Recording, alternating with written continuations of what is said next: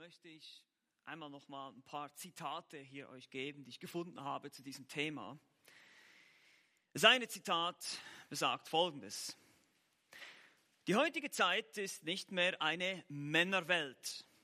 Wenn der Mann geboren wird, sagen sie, wie geht es der Mutter? Wenn er heiratet, sagen alle, ist das nicht eine schöne Braut? Und wenn er stirbt, wird gefragt, wie viel hat er ihr hinterlassen? Zitat Ende. Ein weiteres Zitat lautet wie folgt. In einer örtlichen Bibliothek hörte ich, dass ein Mann nach einem Buch mit dem Titel Der Mann das überlegene Geschlecht suchte. Die Dame an der Theke antwortete zwei Inseln weiter, Fiktion. Zitat Ende. Nun, das zeigt einfach einmal mehr auf, und ich habe das letztes Mal schon gesagt, wie populär das Denken der sogenannten Gleichberechtigung der Frau oder auch des Feminismus, das ins Extrem, das ins Extrem getrieben wird, heute unsere Gesellschaft beeinflusst. Und wir haben letztes Mal auch schon darüber gesprochen, dass wir jetzt auch hier als Gemeinde Jesu Christi, wenn wir in der Öffentlichkeit unsere Sichtweise oder besser gesagt das, was wir aus der Schrift, aus der Bibel sehen, über die Rollen der Frau und des Mannes, die Unterordnung der Frau oder dass die Frau äh, vor allem ihr Reich sozusagen vor allem zu Hause ist und dass der Mann in erster Linie arbeiten soll. All solche Ansichten sind heute sehr unpopulär und ja, werden sogar als mittelalterlich verurteilt oder frauenfeindlich oder bestenfalls einfach rückständig. Und so werden wir gesehen in unserer Gesellschaft, aber die Sicht der Bibel ist ganz anders. Und das möchte ich heute einfach zusammen anschauen, dass die Bibel uns ein harmonisches Bild gibt.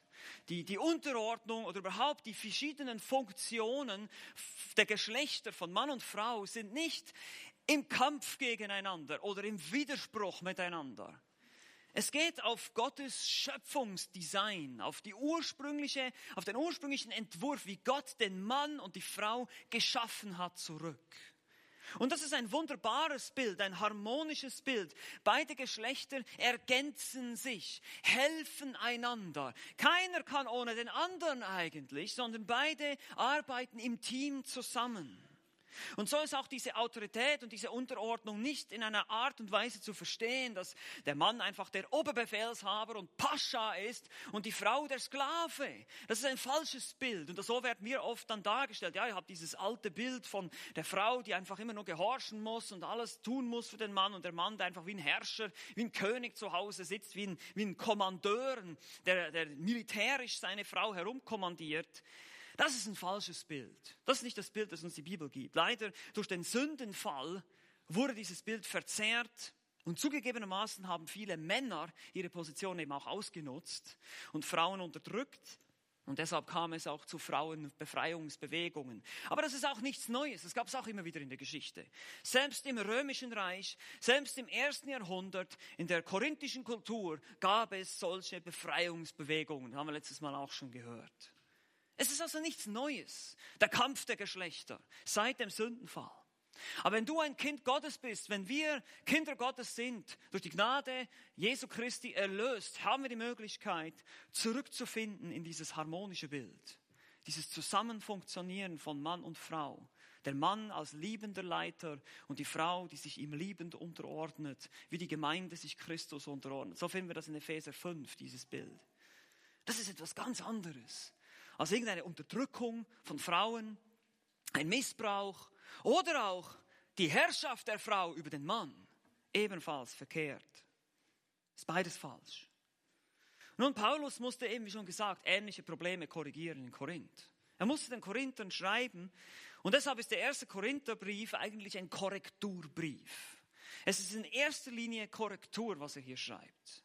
Die Gemeinde in Korinth war weltlich, Sie war zerstritten, sie war unmoralisch, sie war inkonsequent, was die Moral betrifft. Sie gingen nicht gegen gewisse Menschen vor, die einfach in Sünde lebten in der Gemeinde und es wurde einfach geduldet. Keine Gemeindezucht wurde ausgeübt. Es wurden Debatten geführt. In Kapitel 6 haben wir es gesehen. Sie zerrten einander vor Gerichte, Streitereien, weil sozialer Status sehr wichtig war. Es war auch eine Kultur von Ehre und Schande. Also Status, Ansehen, Selbstdarstellung war sehr, sehr wichtig. Wenn wir heute auch noch sehen, wegen Ehre und Schande, ist ganz wichtig zu verstehen. Und sie lebten auch ihre Freiheiten aus. Eines der Mottos der Korinther, der Gemeinde in Korinth war, alles ist erlaubt. Und dann ohne irgendeine Klassifizierung, sondern einfach nur, alles ist erlaubt. Wir sind frei in Christus. Wir sind jetzt geistlich angekommen. Wir leben jetzt nicht mehr abhängig von unseren Umständen. Das war stoisches Gedankengut, griechische Philosophie, prägt uns übrigens heute noch. Materie hat nichts zu tun mit dem Geist. Ich kann mit meinem Körper sündigen, das hat keinen Einfluss auf meinen Geist. Später entwickelte sich dieses Denken in die Gnosis. Und das hat sich bis heute sehr gut gehalten in unserem Denken hier in Europa, dass man immer noch so vieles einfach mit dem Kopf macht und denkt, praktische Dinge sind nicht so wichtig. Und so ist es einfach, dass die Korinther beeinflusst waren von dieser Kultur und Paulus muss sagen, Moment, ihr seid nicht in dem Sinne einfach frei ohne irgendeine Begrenzung. Die Liebe setzt der Freiheit Grenzen, die Rücksicht auf das Gewissen des anderen. Das haben wir gesehen in Kapitel 8 bis 10, eine sehr ausführliche Abhandlung über den Umgang mit bestimmten Grauzonen im Leben. Bei den Korinthern war es das Götzenopferfleisch. Ja, bei uns sind es wahrscheinlich andere Dinge. Ja, ich nehme nicht an, dass jemand heute hier noch ein Problem hat oder irgendwie ein Götzenopferfleisch überhaupt irgendwo bei Aldi findet, sondern wir haben andere Schwierigkeiten. Es gibt andere Grauzonen. Aber Paulus muss das ansprechen und er beschrieb sich selbst als ein Beispiel in Kapitel 9 des Verzichts und schließlich in Kapitel 10 beschreibt er diese Haltung des Christen in einer Gesellschaft dass er kein Anstoß, kein unnötiger Anstoß sein soll, dass er sich den Sitten und Gebräuchen unterordnen soll. Das haben wir schon in Kapitel 7 gesehen, wo die Sklaven nicht mehr Sklaven sein wollten. Und die Beschnittenen plötzlich nicht mehr beschnitten sein wollten. Es gab eine Umoperation, Operationen, die vorgenommen wurden, um das wieder zu vertuschen. Bei den griechischen Wettkämpfen waren alle nackt. Man, man, konnte sehen, ob jemand beschnitten ist oder nicht. Und die wollten nicht erkannt werden als Juden und so weiter. Es gab soziale Revolution. Ich will kein Jude mehr sein oder ich will kein Beschnittener mehr sein. Ich will jetzt plötzlich nicht mehr unbeschnitten sein. Und Paulus sagt, nein, hört auf damit. Ihr bleibt, wo ihr seid. Ihr passt euch an, soweit es nicht Sünde ist, so wie ich mich angepasst habe. Und dann sagt Paulus in Kapitel 9, ich bin allen alles geworden, richtig? Den Sklaven, den, den Juden wurde ich ein Jude. Ich habe mich hier in Gesetzmäßigkeiten untergeordnet. Habe ich schon letztes Mal gesagt. Da hat er auf seinen Schinkensandwich verzichtet. Aber dann bei den Griechen war es anders. Bei den Heiden hat er nicht plötzlich denen irgendwelche mosaischen Gesetze übergestülpt und gesagt, nein, die sind frei. Und so hat er allen sich angepasst, er war ein Missionar, er hat das um des Evangeliums willen getan. Aber diese Anpassung ist kein Kompromiss, sondern es ist eine, ein Verzicht auf Rechte, ein Verzicht auf dieses Ich will und ich habe das Recht auf. Und genauso ähnlich haben wohl die korinthischen Frauen hier einen Brauch plötzlich beiseite geschoben und gesagt, ich bin frei, ich muss mich nicht mehr bedecken. Die Gemeinden sind ja sowieso alle in Häusern und in, der, in den Häusern war es in der damaligen Kultur so, dass Frauen nicht diese eine Art Kapuze tragen mussten, diese Palla, wie sie hieß. Und so dachten einige vielleicht, ja, wir sind ja jetzt frei, wir werfen das von uns, Revolution, genauso wie die Sklaven oder auch die Beschnittenen. Und Paulus sagt, nein, das ist nicht richtig. Und das ist der Kontext hier. Wir haben das letztes Mal angeschaut dass es hier um diesen Freiheitsmissbrauch geht, immer noch. Es gibt ein ähnliches Problem hier. Und Paulus muss die korinthischen Frauen hier in erster Linie zurechtweisen, aber ihnen auch bestimmte Prinzipien eben zu Geschlechterrollen mitgeben, die dem zugrunde liegen. Die in dieser Kultur in bestimmten Art und Weise zum Ausdruck kamen, heute sicherlich in einer anderen Art und Weise. Lass uns unseren Predigtext nochmal lesen für heute. Das ist 1. Korinther Kapitel 11, die Verse 2 bis 16. Hier heißt es, ich lobe euch aber, dass ihr in allem meiner gedenkt und die Überlieferungen, wie ich sie euch überliefert habe, festhaltet. Ich will aber, dass ihr wisst, dass der Christus das Haupt eines jeden Mannes ist und das Haupt der Frau aber der Mann, das Haupt des Christus aber Gott. Jeder Mann, der betet oder weissagt, indem er etwas auf dem Haupt hat, entehrt sein Haupt. Jede Frau aber, die betet oder weissagt mit unbedecktem Haupt, entehrt ihr Haupt. Denn es ist ein und dasselbe, wie wenn sie geschoren wäre. Denn wenn eine Frau nicht bedeckt ist, so lasse sie sich auch das Haar abschneiden. Wenn es aber für eine Frau schändlich ist, dass ihr das Haar abgeschnitten oder sie geschoren werde, so lasse sie sich bedecken. Denn der Mann freilich soll nicht das Haupt bedecken, da er Gottes Bild und Herrlichkeit ist. Die Frau aber ist des Mannes Herrlichkeit. Denn der Mann ist nicht von der Frau, sondern die Frau vom Mann. Denn der Mann wurde auch nicht um der Frau willen geschaffen, sondern die Frau um des Mannes willen. Darum soll die Frau eine Macht auf dem Haupt haben, um der Engel willen. Dennoch ist weder die Frau ohne den Mann, noch der Mann ohne die Frau im Herrn. Denn so wie die Frau vom Mann ist, so ist auch der Mann durch die Frau, alles aber von Gott. Urteilt bei euch selbst, ist es anständig, dass eine Frau unbedeckt zu Gott betet. Lehrt euch nicht auch die Natur selbst, dass wenn ein Mann langes Haar hat, es eine Unehre für ihn ist. Wenn aber eine Frau langes Haar hat, es eine Ehre für sie ist, weil das Haar ihr anstatt eines Schleiers gegeben ist. Wenn es aber jemand für gut hält, streitsüchtig zu sein, so haben wir solch eine Gewohnheit nicht, noch die Versammlungen Gottes. Bis hierher ist unser Text. Nun, wir haben letztes Mal, wie gesagt, eine Einführung gehabt und ich habe euch ausführlich neun Argumente präsentiert, die zeigen, dass es hier, in, worum es hier in dieser Stelle geht. Paulus argumentiert hier mit den Korinthern, warum sich die ihre Frauen bedecken sollen. Aber die Kopfbedeckung ist dennoch ein kulturelles Symbol für etwas anderes, Wichtigeres, nämlich ein zeitloses Prinzip, was er in Vers 3 eigentlich bereits nennt. Es geht um diese Geschlechterrollen und die Unterordnung der Frau unter den Mann, aber auch der Mann unter Christus. Das ist das Prinzip und es fand seinen Ausdruck in unter anderem dieser Kleidungsform.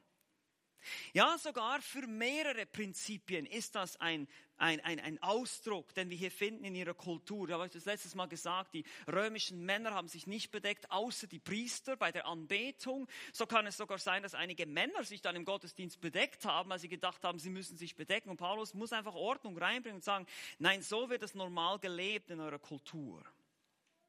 Und die Frage hier, die sich uns jetzt stellt, welche zeitlosen Prinzipien, weil es ist voll, wir haben das auch gesehen im Kontext hier und auch anhand der verschiedenen Wort, äh, der Wortwahl oder der Thematik, die Paulus hier anspricht, ist eindeutig kulturell eingebettet, wie auch schon das Kapitel 7, äh, wo es um die Jungfrauen ging oder eben um die Sklaven und um all diese Situationen, die spezifisch waren, ist es hier eine spezifische Situation. Aber trotzdem können wir allgemeine, zeitlose Prinzipien herausarbeiten. Es ist nicht so, dass diese Stelle völlig nutzlos ist für uns. Wir sagen, okay, wir leben ja nicht mehr in dieser Kultur, also hat das nichts mit mir zu tun. Nein, so ist es nicht. Weil in verschiedenen Kulturen kommen Dinge zum Ausdruck, denen tiefer liegende Prinzipien zugrunde liegen. Und so ist das tiefer liegende Prinzip hier ist ganz klar und deutlich in Vers 3 zu sehen. Es ist diese Rollen der Geschlechter. Es geht aber auch um Anstand, um Sitten und wie man sich anpasst. Und deshalb habe ich letztes Mal schon gesagt, das Thema hier ist für uns heute zeitlos gesehen, wie soll, als, wie soll ich oder wie sollst du als Frau so leben, dass du Gott gefällst in einer heidnischen Kultur. Und denken vielleicht die Männer, okay, ja, das ist gut, jetzt kriegen die, die Frauen kriegen jetzt alles ab und ich kann mich jetzt hier zurücklehnen und einfach, nein, so ist es nicht. Bitte nicht. Männer, ihr müsst trotzdem aufpassen. Es ist auch wichtig für euch. Denn ihr wollt auch wissen, nach welchen Prinzipien eure Frauen oder überhaupt eine Frau leben sollte. Welche Prinzipien Paulus hier nennt, wie wir uns gegenüber einer heidnischen Kultur verhalten sollen. Wie wir an bestimmten Prinzipien und biblischen Lehren festhalten sollen. Die Ehemänner unter uns, die sollen ihren Frauen dabei helfen, diese, Prinzip, diese Prinzipien auszuleben. Nicht sie zwingen dazu, okay, sondern ihnen helfen, diese Prinzipien auszuleben. Oder ihr Single-Männer, ihr müsst wissen, nach welchen Frauen ihr überhaupt Ausschau halten solltet. Also es ist wichtig, dass jeder von uns diese Prinzipien kennt. Nicht nur die Frauen, obwohl es ganz klar hier diese Stelle sich natürlich an die Frauen richtet in Korinth und natürlich auch heute an uns. Also wie gesagt, wie soll ich als Frau leben, dass ich Gott ehre, egal in welcher Kultur? Sechs Prinzipien haben wir heute. Nummer eins. Achte auf die Lehre. Das ist das erste in Vers 2. Achte auf die Lehre. Vers 2.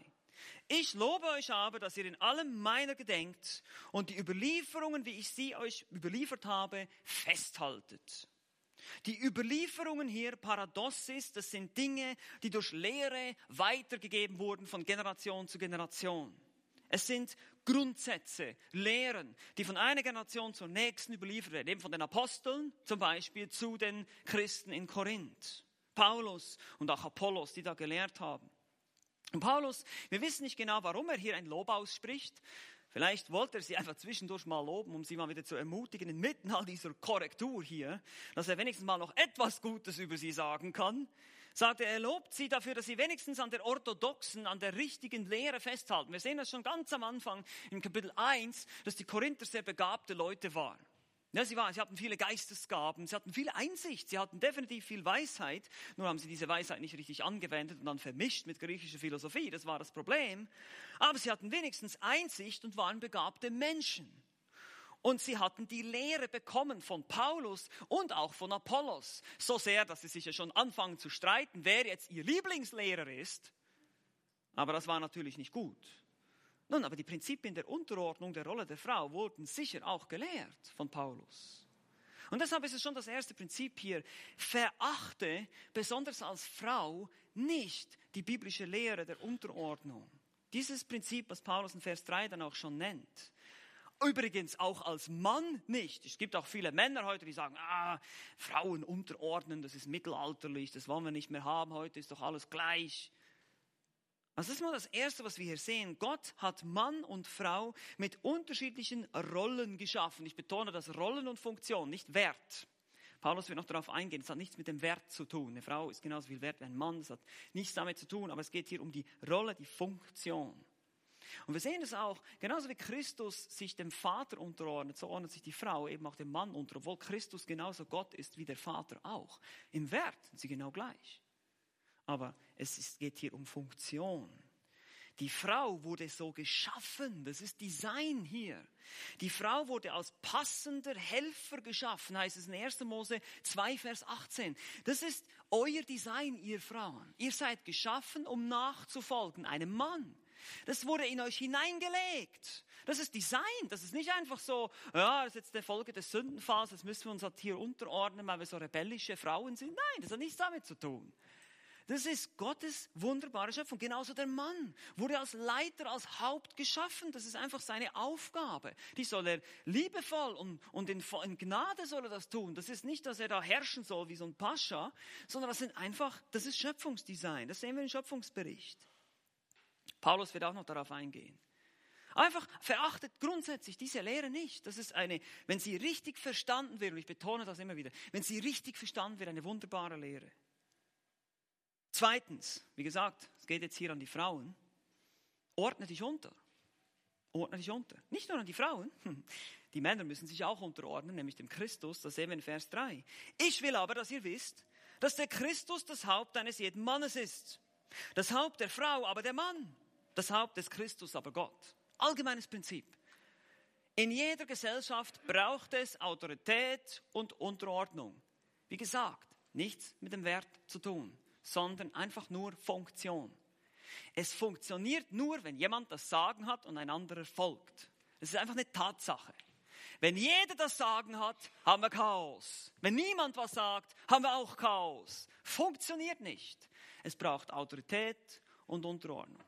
Das ist nun mal einfach so. Das ist überall so. Ihr könnt, egal in welche Firma ihr hineinschaut, egal in welche Gesellschaftsstrukturen ihr hineinschaut, Staat und so weiter, es braucht, auch wenn man das heute verleugnen will und relativieren will, und ja, ja, wir sind ja Demokratie und jeder hat was zu sagen. Ich sage immer, wir sind eine Demokratur. Ja, also gewisse Dinge werden uns trotzdem vorgeschrieben. Das ist einfach so. Es braucht Autorität und Unterordnung. Und so ist es auch in der Familie. Hier wird das Wort Haupt benutzt und einige Gelehrte haben hier vor allem beeinflusst natürlich durch den Feminismus in den letzten, im letzten Jahrhundert gesagt, ja, dieses Haupt, das bedeutet nicht Autorität, sondern es bedeutet Quelle. Nun, es gibt, wie gesagt, drei Sichten hier. Die eine sagt, es bedeutet Quelle, die eine sagt, es bedeutet einfach nur vorrangige Stellung, die dritte sagt eben Autorität. Und das Problem mit der Quelleansicht hier ist, dass es nicht viel Sinn macht in dem ganzen Abschnitt. Wie ist denn bitteschön Christus oder der Vater die Quelle von Christus? Das ist schon mal sehr seltsam.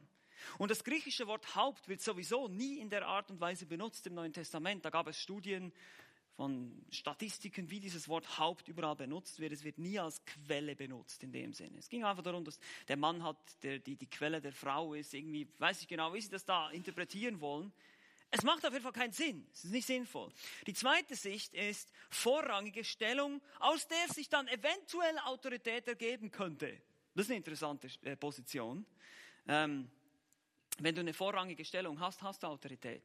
Das ist nun mal einfach so. Deshalb macht das auch nicht viel Sinn und es macht einfach deutlich, wie sehr viele Kommentatoren einfach auch beeinflusst sind durch feministisches Denken. Und deshalb ist die beste und die natürlichste Art und Weise, das Wort Haupt im Sinne von Autorität und Vorrangstellung zu verstehen. Wie gesagt, als Funktion. Deutlich wird das, wenn ihr zum Beispiel mal Epheser Kapitel 5 aufschlagt. Da findet ihr nämlich genau die Auflösung dazu. Die Bibel selbst erklärt uns die Bibel. Es ist eigentlich nicht so schwer. Epheser 5, Vers 22, bekannte Stelle. Ihr Frauen, ordnet euch euren eigenen Männern unter als dem Herrn, denn der Mann ist das was? Haupt der Frau, wie auch der Christus das Haupt der Versammlung. Also Christus hat Autorität über die Gemeinde, das wird ja hoffentlich niemand bestreiten. Also was ist die Bedeutung von Haupt hier? Es steht im direkten Zusammenhang mit der Unterordnung und der Autorität. Das Wort Unterordnen hier auch in äh, Epheser 5 ist Hypotasso, das ist ein militärischer Begriff, eben auch wieder diese Autorität und Unterordnungsgedanken. Also es macht eigentlich am meisten Sinn, auch hier in 1. Korinther 11, Vers 3, das Haupt in dem Sinne zu verstehen. Auch hier der Mann steht unter der direkten Autorität Gottes, die Frau steht unter der Autorität des Mannes. Wie gesagt, Unterordnung, das ist ein Wort, das man heute nicht mehr gerne hört. Ja, es ist umstritten. Und ich habe schon gesagt, die Voraussetzung in jeder Gesellschaft, es braucht Autorität und Unterordnung. Und so sind auch die Männer dem Herrn verantwortlich. Arbeitgeber dem Ar äh, umgekehrt, umgekehrt, Arbeitnehmer dem Arbeitgeber. Damals waren es Sklaven, die ihren Herren dienen. So wenden wir das auch zeitlos an heute. Aber vielleicht lassen Sie mal kurz einen Ausflug machen und einfach mal so definieren, was ist denn biblische Unterordnung? Einfach mal das mal so als Anwendung, weil viele diskutieren darüber, ja, Unterordnung, was heißt das? Ich möchte euch hier einfach ein paar Punkte geben, die ihr euch vielleicht aufschreiben könnt, um einfach das so als Hilfe. Was ist eigentlich, was bedeutet das eigentlich? Nun, erstens, Unterordnung geht auf die Schöpfungsordnung zurück. Okay, das ist mal der erste Punkt hier. Unterordnung geht auf die Schöpfungsordnung zurück. Das Prinzip, das habe ich schon gezeigt, Mann und Frau wurden so von Gott geschaffen. Das ist ein Design. Das ist nicht so, dass es einfach erst nach dem Sündenfall kam und dann hat der Mann dann über die Frau geherrscht und so weiter und so fort. Da steht zwar sowas da im, im, Kapitel 3, aber das ist dann die Verzerrung davon. Aber das Design ist deutlich. Der Mann gibt der Frau ihren Namen. Er hat Autorität. Das ist, wenn jemand einem anderen Namen gibt, hat er Autorität. Ja. Und das ist deutlich, wie Gott erstmal den Mann erschafft und Paulus geht ja dann auch noch darauf ein hier im Verlauf des Kapitels. Das ist wichtig. Es ist ein Prinzip, es ist ein biblisches Prinzip. Es ist nicht etwas, was zur Diskussion stände. Und es ist auch nicht etwas, was sich aufgelöst hat durch den neuen Bund. Manche nehmen zum Beispiel Galater 3, 28 und sagen, da ist weder Mann noch Frau. Siehst du, das gilt gar nicht mehr für uns. Wir sind alle gleich in Christus. Die Frauen können jetzt auch Pastorinnen werden. Das wird heute oft argumentiert. Und ich sage nein. Galater 3, 28 steht im Zusammenhang der Errettung. Da ist weder Mann noch Frau, noch Sklave, noch Freier und so weiter. Da spielt es keine Rolle. Aber in der Gesellschaft oder die Geschlechterrollen, die bleiben. Die werden nicht plötzlich verwischt. Im Gegenteil, Gott hasst das. Und deshalb korrigiert Paulus ebenfalls die Korinther und sagt, ihr verwischt die Geschlechter mit eurer Befreiungsbewegung hier und, Wegwerfen des Kopftuches. Das geht nicht. Eine Frau muss als Frau zu erkennen sein, ein Mann muss als Mann zu erkennen sein. Schöpfungsdesign. Zweitens, zweitens, Unterordnung bedeutet nicht, eine Puppe zu sein. Unterordnung bedeutet nicht, eine Puppe zu sein. das ist das Klischee, das immer gesagt wird von der Welt. Ne? Eine Frau muss sich unterordnen. Immer ducken, ja nicht mucken, alles schlucken. Nein, das ist nicht, das ist nicht Unterordnung. Interessant ist, in der Bibel ist Unterordnung eine, jetzt hör gut zu, eine intelligente, mitdenkende Unterordnung. Okay? Das ist ganz wichtig, dass ihr euch das aufschreibt. Die Frau schaltet nicht ihr Gehirn aus und sagt immer, ja Mann, ja Schatz, ja Schatz. Das ist nicht die Idee. Das ist nicht die Idee. Die Frau denkt mit. Ich muss als Mann nicht das Gefühl haben, ich muss meine Frau micromanagen. Die kann nicht selber denken. Ja? Das, das ist Blödsinn. So, das wird das manchmal dargestellt in der Gesellschaft, dass wir das so leben als Christen. Das stimmt überhaupt nicht. Auch ist es, haltet euch fest, eine freiwillige Unterordnung. Die Frau ordnet sich freiwillig unter. Epheser 5, 22, dieser Befehl geht direkt an die Frauen. Männer, ihr könnt und sollt die Unterordnung nicht einfordern. Das dürft ihr nicht. Der Gott fordert die Frau auf, das zu tun. Du musst deine Frau lieben, egal ob sie sich unterordnet oder nicht als Mann. Das hat überhaupt nichts damit zu tun. Deine Liebe zu deiner Frau, die soll bedingungslos sein. Wie Christus die Gemeinde heißt es in Epheser 5, 25. Nur so nebenbei gemerkt. Und das Verb in Epheser 5, 21 ist im Medium. Sie ordnet sich selbst unter. Das zeugt schon von dem Selberdenken. Das ist intelligent, das ist mitmachen, mitdenken, Vorschläge machen. Ich kann mir als Mann auch was sagen lassen von meiner Frau. Das ist okay, das ist gut. Ich brauche ihre Weisheit, sie ergänzt mich nämlich. Aber das ist genau dieses harmonische Bild. Wir ergänzen einander, wir sind ein Team. Wir sind nicht, ich bin nicht einfach der, der Oberbefehlshaber hier im Haus. Das ist ganz wichtig. Drittens, Unterordnung, habe ich auch schon gesagt, bedeutet nicht weniger wert zu sein. Wie gesagt, Paulus macht das auch noch deutlich hier in diesem Abschnitt. Aber ich, mach, ich nehme das jetzt mal schon mal vorweg. Unterordnung bedeutet nicht weniger wert sein. Die Frau ist nicht weniger Mensch als der Mann. Genauso wie Christus nicht weniger Gott ist als der Vater. Wie gesagt, die Dreieinigkeit lebt uns das vor.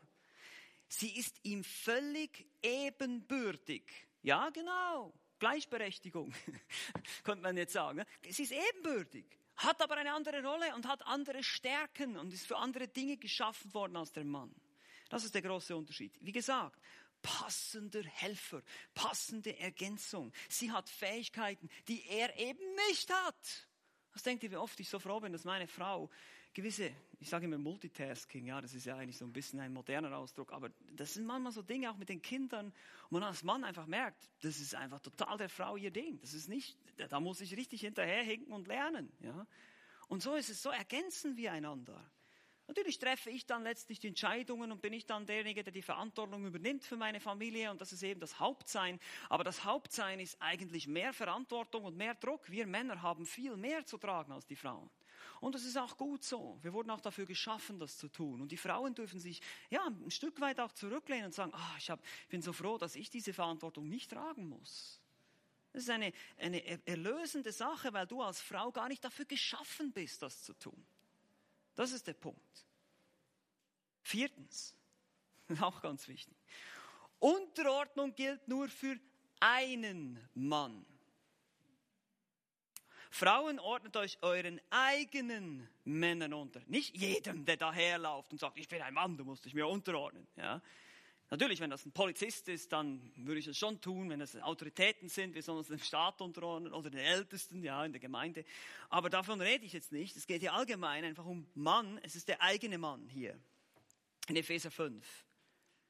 Kann nicht einfach jeder daherlaufen und dir als Frau irgendwelche Befehle geben. Das geht auch nicht kann mich noch erinnern an diese Geschichte in, in Master Seminary, wurde uns auch gesagt, als Studenten, da gab es in der Bibliothek, gab es eine Frau, ja, die, die war da die Bibliothekarin und eigentlich die Chefin über die ganze Bibliothek. Und hat uns gesagt, ihr dürft euch ihr unterordnen, okay? Weil sie ist die Bibliothekarin, das hat nichts mit der Gemeinde zu tun, sie verwaltet einfach die Bücher da. Okay? Und es gab dann so Seminarstudenten, ah, ich muss mich der nicht unterordnen, das ist eine Frau. Ja, ich, oh Mann, Leute, echt? Das ist und so müssen wir richtig vernünftig denken hier. Ne? Das geht hier um den Gemeindekontext und nicht unbedingt um Gesellschaftskontext. Also, und vor allem die Frau soll sich vor allem einem Mann unterordnen, das ist ihr eigener. Unterordnung bedeutet, sich dem Herrn anzuvertrauen. Das ist fünfter Punkt hier. Unterordnung bedeutet, sich dem Herrn anzuvertrauen. Letztlich heißt es in Epheser auch, ihr ordnet euch unter als dem Herrn. Also in erster Linie ordnet ihr euch dem Herrn unter, wenn ihr eurem Mann euch unterordnet. Das ist wichtig zu verstehen. Was immer der Mann entscheidet, wer hat das letztlich entschieden? Gott. Gott ist souverän. Er leitet auch die Entscheidungen deines Mannes, selbst wenn sie manchmal ein bisschen komisch sind. Ja. Meine Frau kann davon auch sprechen. Meine Entscheidungen sind auch nicht immer die besten, aber so ist das nun mal. Ja. Auch euer Chef entscheidet nicht immer die besten Dinge und ihr ordnet euch trotzdem unter, hoffentlich. Und, und, das ist genauso, wie wir leben sollen. Wir vertrauen uns dem Herrn. Wir glauben, Gott ist souverän. Er hat es im Griff. Auch wenn jetzt der Mann vielleicht da in eine Richtung geht und man denkt, uh, wie wird das wohl? Ich vertraue dem Herrn. Ich kann dem Herrn vertrauen, er ist souverän, er leitet auch meinen. Selbst wenn du einen ungläubigen Ehemann hast, das ist noch schwieriger als Frau. Selbst dann, denke dran, du ordnest dich dem Herrn unter in erster Linie. Einfach, dass wir das mal richtig verstehen. Also, jetzt haben wir einen kleinen Ausflug gemacht, jetzt kommen wir zurück. Achte die Lehre, ordne dich unter. Das waren die zwei Punkte. Jetzt kommt der dritte. Der dritte Punkt. Achte die Sitten. Ganz interessant, Verse 4 bis 6. Achte die Sitten oder Gebräuche, kann man auch sagen. Jeder Mann, der betet oder weissagt, dem er etwas auf dem Haupt hat, entehrt sein Haupt. Jede Frau aber, die betet oder weissagt mit unbedecktem Haupt, entehrt ihr Haupt. Denn es ist ein und dasselbe, wie wenn sie geschoren wäre. Denn wenn eine Frau nicht bedeckt ist, so lasse sie sich auch das Haar abschneiden. Wenn es aber für eine Frau schändlich ist, dass ihr das Haar abgeschnitten oder sie geschoren wäre, so lasse sie sich bedecken. Und wir haben schon deutlich gesehen, dass Paulus jetzt hier Bezug nimmt auf diese lokale Sitte damals in Korinth oder überhaupt im römischen Reich. In der damaligen Kultur haben Frauen ihre Unterordnung und auch ihr Frausein generell mit einer Kopfbedeckung zum Ausdruck gebracht. Sie haben sich sozusagen reserviert, ihre Schönheit reserviert für einen Mann. Haben wir gesehen letztes Mal. Vor allem in der Öffentlichkeit und deshalb denken auch einige, es handelt sich hier um den öffentlichen Gottesdienst, wenn alle zusammenkommen. Das Problem ist, haben wir gesehen letztes Mal, dass das erst ab Vers 17 beginnt, diese Versammlung, wo alle zusammenkommen, das Mahl des Herrn feiern. Hier geht es wohl eher um das gesellschaftliche Leben, denn die Frau betet und weissagt, genauso wie der Mann, beide. Es geht konkret ums Beten, das ist als Mensch zu Gott zu reden und das Weissagen. Prophetuo, von Prophetie haben wir das Wort. Das ist Gottes Wort zu Menschen zu sprechen. Predigen, genau. Wenn eine Frau betet oder predigt, heißt es eigentlich hier. Wenn sie das Wort Gottes verkündigt. Und deshalb glaube ich nicht, dass es sich um den Gottesdienst handelt, weil in Kapitel 14 wird Paulus genau das verbieten. Da werden wir noch darauf eingehen. Kapitel 14, die Verse 34 und 35 sagt er, die Frauen sollen schweigen in einem Lehrkontext. Nicht einfach schweigen, ja, sondern schweigen, wenn es ums öffentliche Reden in der öffentlichen Versammlung geht. Da geht es um Sprachenreden, um Prophetie und dann eben auch um die öffentliche Verkündigung. Weil wir finden viele Beispiele auch von predigenden Frauen, die evangelisieren. Ein Beispiel ist Priscilla und Aquila, wo beide offenbar als Team unterwegs waren und evangelisierten. Vielleicht war Priscilla sogar die Redegewandtere. Sie wird nämlich immer zuerst, zuerst genannt. Das heißt immer Priscilla und Aquila, nicht umgekehrt. Das ist auch interessant. In der Postgeschichte 1826 haben einige euren Bibel da eine Textvariante, wo die Namen vertauscht werden. Aber der Originaltext hat Priscilla zuerst. Und dann heißt es hier noch, zum Beispiel, dass wenn ein, jetzt gehen wir mal durch den Text hier in der Postgeschichte, äh, Entschuldigung, im Korintherbrief, zurück zu unserem Vers, in Vers 4, heißt es nun, wo immer ein Mann betet oder weissagt, indem er etwas auf dem Haupt hat, also wörtlich ein Herabhaupt. Das ist eine schwierige äh, zu übersetzende äh, Ausdrucksweise hier, aber es bezieht sich wohl auch auf die Kopfbedeckung, weil eben bei der Frau heißt es dann ganz deutlich, wenn sie sich bedecken will oder eben nicht bedecken will. Und deshalb geht man hier auch davon aus, dass dieses Herabhaupt etwas vom Haupt herunterhängen, wörtlich ist die Idee, deutet auch auf die Kopfbedeckung hin. Beim Mann soll das nicht so sein. Der Mann sollte das nicht tun, da es nicht den Gepflogenheiten der damaligen Zeit entspricht. Er ist eben das Haupt der Frau. Und wie gesagt, einige Gelehrte denken hier auch, das könnte langes Haar sein, aber das habe ich auch schon erklärt, das kann nicht sein, weil es spricht deutlich von Bedeckungen hier. Und Vers 5 heißt es dann hingegen, die Frau, wenn sie unbedeckt betet oder weissagt, entehrt dann ihr Haupt. In der Gesellschaft, ihr Haupt ist natürlich der Mann. Sie bringt Schande und Verruf über ihre Familie, über ihren Mann. Das, wenn sie sich nicht den Gepflogenheiten der damaligen Kultur unterordnen will. Und das ist eben wichtig, dass man diese Ehre, Schande, Kultur von damals versteht. Das wurde sehr stark betont. Sozialer Status, Sitten wurden, da wurde einfach drauf geachtet, sehr stark drauf geachtet. Und wenn sie das eben nicht tun will, dann ist sie wie die Geschorene. Ja, das wörtlich hier die Geschorene. Und wir haben letztes Mal schon gesehen, es gibt verschiedene Möglichkeiten. Einige denken, es ist Prostituierte, andere denken, es ist eine Ehebrecherin, die so bestraft wurde, indem man ihnen einfach gleich das Haar abscherte, was eine Schande war. Es war auf jeden Fall ein öffentliches Zeichen von Schande, eine öffentliche Schande. Und Paulus treibt hier das Argument einfach zum Extrem und sagt, wenn sie das nicht tun will, dann soll sie sich da gleich abscheren.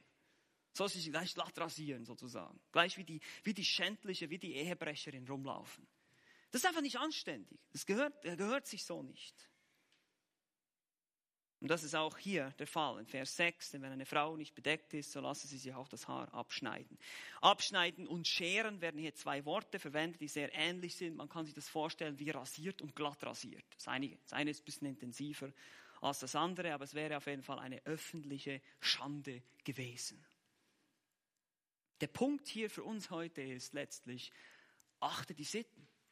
Achte die Sitten.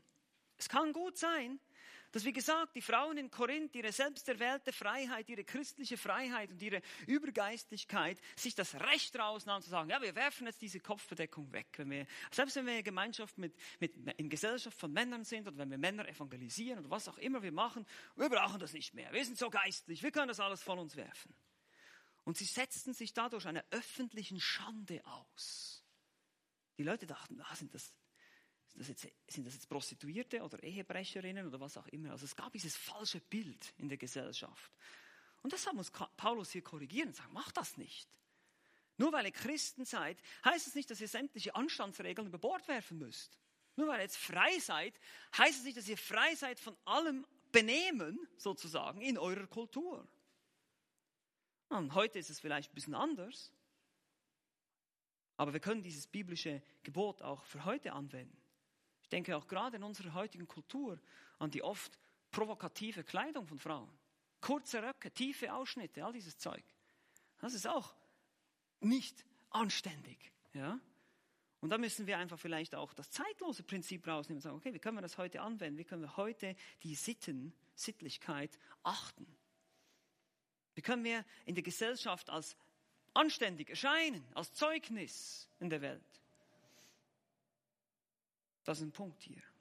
Also erstens, achte die Lehre, ordne dich unter, achte die Sitten. Viertens, gedenke der Schöpfungsordnung. Verse 7 bis 12. Gedenke der Schöpfungsordnung. Denn der Mann freilich soll nicht das Haupt bedecken, da er Gottes Bild und Herrlichkeit ist. Die Frau aber ist des Mannes Herrlichkeit.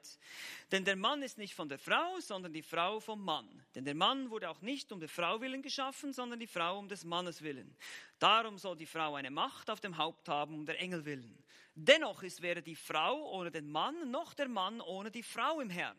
Denn so wie die Frau vom Mann ist, so ist auch der Mann durch die Frau alles aber von Gott sehr, sehr ausführlich, aber auch sehr deutlich, wie Paulus einfach das Ganze jetzt auf die Schöpfungsordnung zurückführt, was ich euch schon gesagt habe. Es ist Design, es ist Gottes Idee, die dahinter steckt. Der Mann ist die direkte Schöpfung Gottes aus dem Erdboden. Er trägt in gewisser Hinsicht die Herrlichkeit, den Abglanz Gottes. Die Gott hat ihn direkt geschaffen. Die Frau wurde aus dem Mann geschaffen. Wir kennen alle die Schöpfungsgeschichte, hoffentlich. Und deshalb heißt es hier, ist sie die Herrlichkeit oder die Ehre des Mannes. Äh, Sprüche 12, Vers 4. Eine tugendhafte Frau ist die Krone oder die Ehre ihres Mannes. Das ist auch wiederum nichts Negatives. Das ist keine Abwertung der Frau. Das ist einfach eine Tatsache. Das ist so, wie Gott sich entschieden hat, das zu tun. Diese Schöpfungsordnung sollte durch unser Verhalten jetzt zum Ausdruck gebracht werden. Entsprechend in der damaligen Kultur eben durch das Unbedeckt oder Bedecktsein begründet er in den Versen hier. Denn der Mann ist nicht von der Frau, sondern die Frau vom Mann. Wie gesagt, die Frau wurde aus dem Mann heraus geschaffen, der Mann direkt. Und so lesen wir im Schöpfungsbericht, Adam wurde, wie gesagt, Autorität verliehen, bevor Eva geschaffen wurde. Sie heißt Frau, weil sie vom Mann genommen wurde. Er gab ihr den Namen Menin, Isha, anstatt Ish, das heißt Mann, Isha, Menin. Und später gab Adam ihr den Namen Chawa, Eva. Ne? Und das ist die Mutter aller Lebendigen in 1. Mose 3,20. Und so sehen wir das einfach, dass, dass der Mann offenbar dieses, äh, in seinem Design einfach diese Autorität hat. Und Gott gibt ihm auch den Auftrag, das zu tun. Und deshalb auch in Vers 9, der Mann wurde nicht um der Frau willen geschaffen, sondern die Frau um des Mannes willen. Wie schon gesagt, die Funktion hier, die Frau wurde als passender Helfer für den Mann geschaffen, um ihn zu ergänzen. Und in Vers 10 kehrt Paulus dann wieder zum ursprünglichen Argument zurück und sagt, darum soll die Frau eine Macht auf dem Haupt haben, um der Engel willen.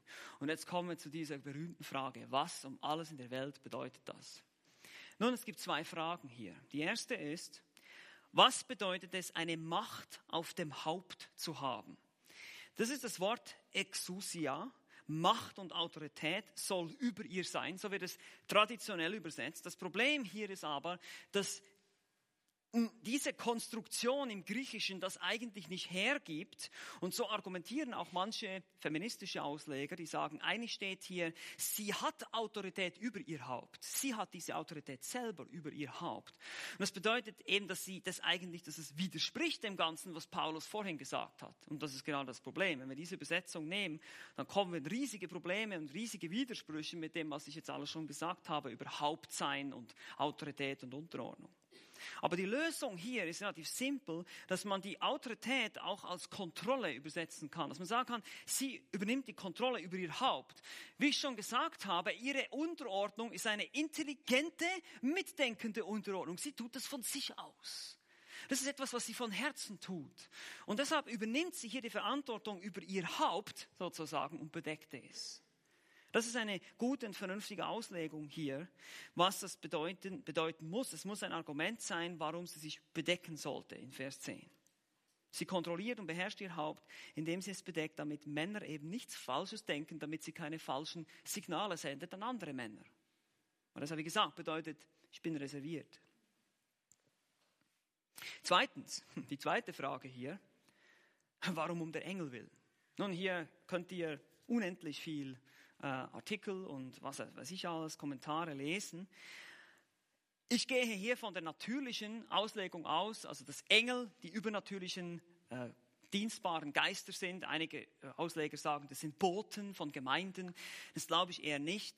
Paulus benutzt den Ausdruck Engel immer wieder in der Art und Weise, durch den Korintherbrief in Kapitel 4 und auch in Kapitel 6 sind es immer die übernatürlichen Engel, die hier gemeint sind. Die Engel sind Zuschauer des Heilsplanes Gottes und staunen über sein Heil für die Menschen. Sie wurden ein Schauspiel für die Welt und die Engel, sagt Paulus in 1. Korinther Kapitel 4, Vers 9. Wir Apostel, wir sind ein Schauspiel für die Welt und für die Engel. Die Engel schauen uns zu.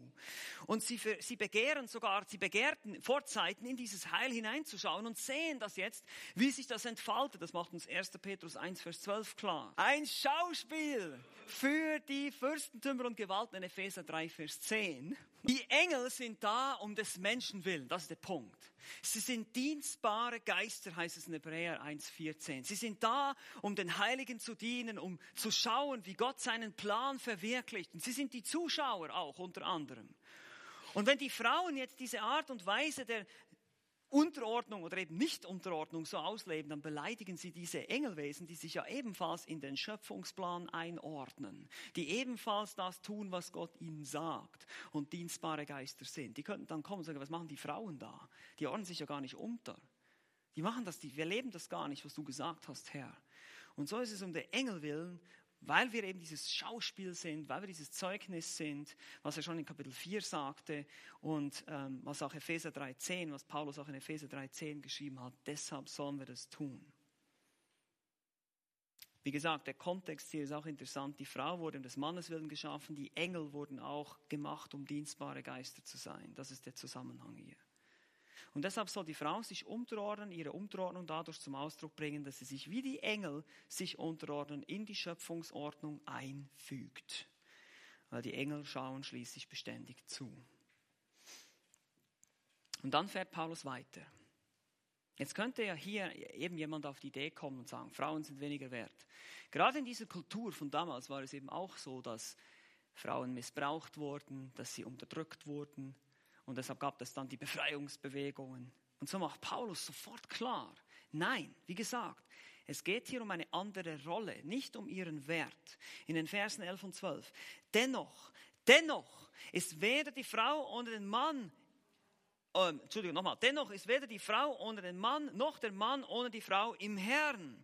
Denn so wie die Frau vom Mann ist, so ist auch der Mann durch die Frau alles aber von Gott gleichwertig in der Errettung und Stellung vor dem Herrn. Sie werden beide gleichermaßen gerettet durch die Gnade. Sie sind beide Sünder. Sie ermangeln beide die Herrlichkeit, die sie bei Gott haben sollten. Es gibt keinen Unterschied. Da ist weder Mann noch Frau. Das wäre Galater 3,28 hier jetzt. Sie werden beide durch dieselbe Gnade gerettet. Und jeder Mann sollte nicht vergessen, dass er von einer Frau geboren und erzogen wurde. Das ist der zweite Punkt, den er hier macht. Sie ist nicht weniger wert. Sie hat eine andere Funktion, macht er deutlich. Die Anwendung ist deshalb, gedenke der Schöpfungsordnung. Gott hat uns als Männer und Frauen geschaffen und dabei hat er gute Gedanken. Ein Plan, wie Mann und Frau zusammenleben sollten. Vor allem aber auch ihr Frauen, wehrt euch nicht gegen die Ordnung, die Gott gegeben und entworfen hat. Seht es nicht als eine Unterdrückung, sondern als eine wunderbares, ein wunderbares Design von einem guten, liebenden Gott, der das geschaffen hat. Ich denke dabei auch an, an diesen heutigen Gender-Wahnsinn. Ja? Meine, diese Stelle macht es sehr, sehr deutlich, dass Gott einfach nur ein Mann und eine Frau geschaffen hat. Es gibt keine anderen Geschlechter. Es gibt nur ein Mann und eine Frau. Und diese beiden leben zusammen in einer Ehe, in einer monogamen Ehe. Ein Mann und eine Frau. Und sonst gibt es keine anderen Ehen. Punkt aus. Ende der Diskussion. Das ist das, was Gottes Wort sagt. Das ist, was der Schöpfer sagt. Und das ist das Problem heute, dass die Menschen das selber in die Hand nehmen und die ganze Schöpfungsordnung redefinieren wollen, die Ehe redefinieren wollen. Aber das tun sie alles nur, weil sie verdorbene Sünder sind. Weil sie falsch denken. Weil sie keine Ahnung haben letztlich. Weil sie den Schöpfer nicht kennen. Hier ist die Weisheit und sonst nirgends. Hier ist das Design und sonst nirgends. Das muss jetzt einfach deutlich gesagt werden. Und auch sind Frauen und Männer gleichwertig vor Gott. Vergesst das auch nicht. Es hat nichts, wie gesagt, mit, mit irgendeiner Unterdrückung oder irgendeiner mm, Abwertung der Frau zu tun hier. Überhaupt nicht. Und wie gesagt, es ist eine Lüge zu behaupten, dass das Christentum frauenfeindlich ist. Im Gegenteil. Im Gegensatz zu anderen Religionen und Kulturen, wo Frauen oft waren und minderwertig waren und, und, einfach nur schlecht behandelt wurden, zeigt die Bibel uns ein ganz anderes Bild. Es gab weibliche Diakone. Ehepaare evangelisieren, also Frauen sind aktiv im Dienst in der Bibel. Mütter erziehen gottesfürchtige Kinder, zum Beispiel im Falle von Timotheus, der dann später ein großartiger Pastor wurde. Großmutter sogar hat einen riesen Einfluss auf Timotheus. Also wir sehen, Frauen haben eine sehr, sehr wichtige Stellung und Funktion auch im Dienst unserer Gemeinde. Es ist überhaupt nicht so, dass sie irgendwie in einer, in einer Form weniger fähig oder weniger wert wären. Es ist ganz wichtig, das lernen wir hier nicht. Es geht rein um die Funktion und die Stellung und die Rolle. Aber die Stellung vor Gott und den Wert, da gibt es keine Diskussion drüber. Also, wie sollst du als gläubige Frau leben in einer heidnischen Kultur? Achte die Lehre, ordne dich unter, achte die Sitten, gedenke der Schöpfungsordnung. Fünftens, denke an dein Zeugnis. Denke an dein Zeugnis. Verse 13 bis 15. Hier heißt es nochmal, Paulus kehrt zurück und sagt, urteilt bei euch selbst. Jetzt, jetzt wirft er sozusagen den Korinthern den Ball zu. Sagt, okay, jetzt, jetzt, jetzt urteilt ihr mal. Ist es anständig, dass eine Frau unbedeckt zu Gott betet? Lehrt euch nicht auch die Natur selbst, dass wenn ein Mann langes Haar hat, es eine Unehre für ihn ist, wenn aber eine Frau langes Haar hat, es eine Ehre für sie ist, weil das Haar ihr anstatt eines Schleiers gegeben ist. Und hier gibt es wieder mehrere schwierige Sachen, die wir erstmal klar verstehen müssen. Paulus macht deutlich, es geht nun um Anstand und Natürlichkeit. Anstand und Natürlichkeit. In der damaligen Kultur war es eben weder anständig noch natürlich, dass eine Frau sich nicht bedecken würde. In der heutigen Zeit wäre das vielleicht eine Frau, muss ich das vielleicht mal so vorstellen, die, die in unanständiger, offener, herziger, provokativer Kleidung irgendwo auf dem Marktplatz steht und evangelisiert, ja. Und dann denkt ihr, warum kommen dann die Männer, ja? Also das ist, und es ist einfach unanständig. Und die Leute würden vielleicht, es gibt sicher Leute, wir sind in einer ausgeschämten Kultur und heutzutage denken alle, es ist alles normal, aber es gäbe sicher noch Leute, die denken würden, das ist irgendwie seltsam. Das ist irgendwie, die predigt da von Christentum und, von, und, dann zieht sie sich so an, so aufreizend, das passt einfach nicht zusammen. sollte man denken. Aber so ähnlich war es wohl hier in der Kultur, wo Paulus hineinspricht. Natur, das Wort Physis, ist die Frage, was Paulus hier meint. Es gibt ja auch verschiedene Erklärungen natürlich. Die beste scheint eben zu sein, kulturell natürlich zu verstehen. Wir müssen verstehen, es war nicht immer normal, dass Männer kurze Haare tragen. Bei den Spartanern zum Beispiel haben Männer schulterlange, Haare getragen. Das war ganz normal. Das war nichts Besonderes. Da wurdest du nicht gleich als Heavy Metaller gesehen, der lange Haare hatte, sondern du warst einfach ein normaler Mann mit langen Haaren. Ja. Aber in der römischen Kultur haben die Männer eben kurze Haare getragen. Und deshalb ist es hier kulturell natürlich. Es kann nicht allgemein sein. Es gibt manche Ausleger, die sagen, ja gut, das Testosteron führt zu mehr Haarausfall. Aber ich finde das ein bisschen, naja, es gibt auch ältere Männer, die immer noch viele Haare haben. Also ich sehe das hier eher besser als einfach kulturell natürlich. Es ist damals, einfach in der Situation war es abnormal. Und wir sehen auch in, in den meisten Kulturen, bis heute noch, sehen wir, dass die Männer ihre Haare eher kurz tragen und dass das eher als Männerfrisur identifiziert wird und so auch bei den Frauen mit den längeren Haaren. Es wird einfach als normal natürlich empfunden. Und es ist ein Anstoß, ein unnötiger Anstoß, wenn wir als Christen versuchen, das jetzt alles umzudrehen. Und das war das Problem der Korinther. Sie haben versucht, jetzt übergeistig zu sein. Sie sind immer, immer über das Ziel hinausgeschossen. Ja, und echt da, ja, die Frauen können jetzt machen, was sie wollen, die Männer spielen überhaupt keine Rolle mehr. Wir sind überhaupt keine, möglich, möglich noch irgendwelche, die Geschlechter spielen gar keine Rolle, weil im Himmel sind wir dann geschlechtslos oder irgendwelche solchen Vorstellungen. Müssen wir uns vorstellen, hatten diese Leute. Vor allem die Griechen. Und deshalb ist es hier, geht es um Natürlichkeit und Anstand. Und bei der Frau ist es auch natürlicher, wenn sie langes Haar hat. Wichtig, es steht hier nicht, wie viele Zentimeter, okay? Das steht hier nicht. Und selbst in der heutigen Kultur kann man, selbst wenn es eine, eine kürzere Frisur ist, kann man sehen, es ist eine Frauenfrisur, offensichtlich. Und darum geht es hier. Es geht um diesen Unterschied, dass man sieht, es ist eine Frau, eine Frau äh, gibt sich als Frau, kleidet sich als Frau und ein Mann eben auch. Und das ist das zeitlose Prinzip. Gott hasst es, wenn man versucht, die Geschlechter zu verwischen. Und das ist natürlich von Kultur zu Kultur unterschiedlich und nicht, kann man nicht genau so eins zu eins jetzt aus der grekoromanischen Kultur des ersten Jahrhunderts übernehmen. Und dann steht hier auch noch, das Haar ist ihr anstatt eines Schleiers gegeben. Das hat einigen natürlich den Anstoß gegeben. Ja, siehst du, sie muss gar keinen Schleier tragen. Das ist das Haar, ist anstelle eines Schleiers. Nun, ähm, die Präposition hier kann man auf verschiedene Arten übersetzen. Und vom Kontext her ist es hier besser, die Präposition anti als etwas Ähnliches, Gleiches oder Hinweisendes zu übersetzen. Also dieses, dieses Natürlichkeit des langen Haares weist darauf hin, auch dass es natürlicher ist, dass ihr euch jetzt hier bedeckt. Das ist einfach so ein Hinweis. Gott hat hier schon einen natürlichen Schleier gegeben, sozusagen. Das ist eher hier das Argument des Paulus, als dass er dann irgendwie sich wieder selber widersprechen würde, was dann im gesamten Zusammenhang wieder überhaupt keinen Sinn machen würde. Es ist ein generelles Wort hier, Schleier für Bedeckung. Manchen Stellen wird es auch für Mantel verwendet. Das ist einfach ein Kleidungsstück. Es ist einfach ein kleiner Hinweis dass das natürlicher ist in eurer Kultur und jeder sieht das so und deshalb passt euch da bitte an und seid da kein unnötiger Anstoß. Deshalb hier, weil Paulus diese Öffentlichkeit betont, ist es anständig, ist es natürlich, denke an dein Zeugnis. Denke an dein Zeugnis in der Öffentlichkeit. Wir wollen als Christen keinen unnötigen Anstoß erwecken. Unnatürlich, indem wir uns unnatürlich kleiden oder frisieren das kann auf, das kann auf zwei Extremseiten hinunterfahren. Das kann eben ganz modisch sein und ausgeflippt und frech, was nicht unbedingt anständig ist. Es kann aber auch extrem konservativ sein, eben gerade das Kopftuch, was eigentlich sehr unnatürlich und anstößig ist in unserer Kultur, weil das kein Mensch versteht, was das zu bedeuten hat. Somit eigentlich fast ein Verstoß gegen das Prinzip, was Paulus hier lehrt. Es kommuniziert etwas Unnatürliches. Und so lasst uns einfach darauf bedacht sein. Natürlich auch die Männer. Ja, das geht hier auch die Männer an. Diese, diese Geschlechterunterschiede sollen klar sichtbar sein. Wir sollen anständig und sittsam uns in der Gesellschaft bewegen, möglichst. Das heißt nicht, dass wir nicht modisch sein dürfen, dass wir jetzt irgendwie ins letzte Jahrhundert zurückgehen müssen. Überhaupt nicht. Aber einfach, dass wir nicht irgendwo eben von der einen oder von der anderen Seite vom Pferd fallen. Da muss sich jeder selber prüfen, selbstverständlich.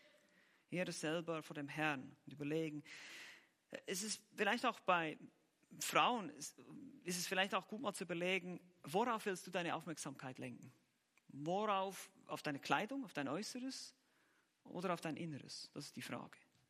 Worauf soll man schauen? Auf deine Werke, auf deinen Charakter oder auf dein Äußeres? Das ist die Frage. Das ist, das ist das Prinzip, das uns die Bibel auch gibt, was uns leiten sollte. Gut, achte die Lehre, ordne dich unter, achte die Sitten, gedenke der Schöpfungsordnung, denke an dein Zeugnis und schließlich denke an deine Geschwister. Denke an deine Geschwister. Vers 16. Hier heißt es noch zum Schluss, Wenn es aber jemand für gut hält, streitsüchtig zu sein, so haben wir solch eine Gewohnheit nicht, noch die Versammlungen Gottes. Nun, das Wort streitsüchtig ist einfach zu verstehen. Das ist jemand, der gerne Debatten führt. Es wird immer wieder Leute geben, die sich gegen diese Prinzipien der Unterordnung oder der Geschlechterrollen auflehnen und das verwischen wollen, verändern wollen. Das erleben wir heute, das erlebte man damals.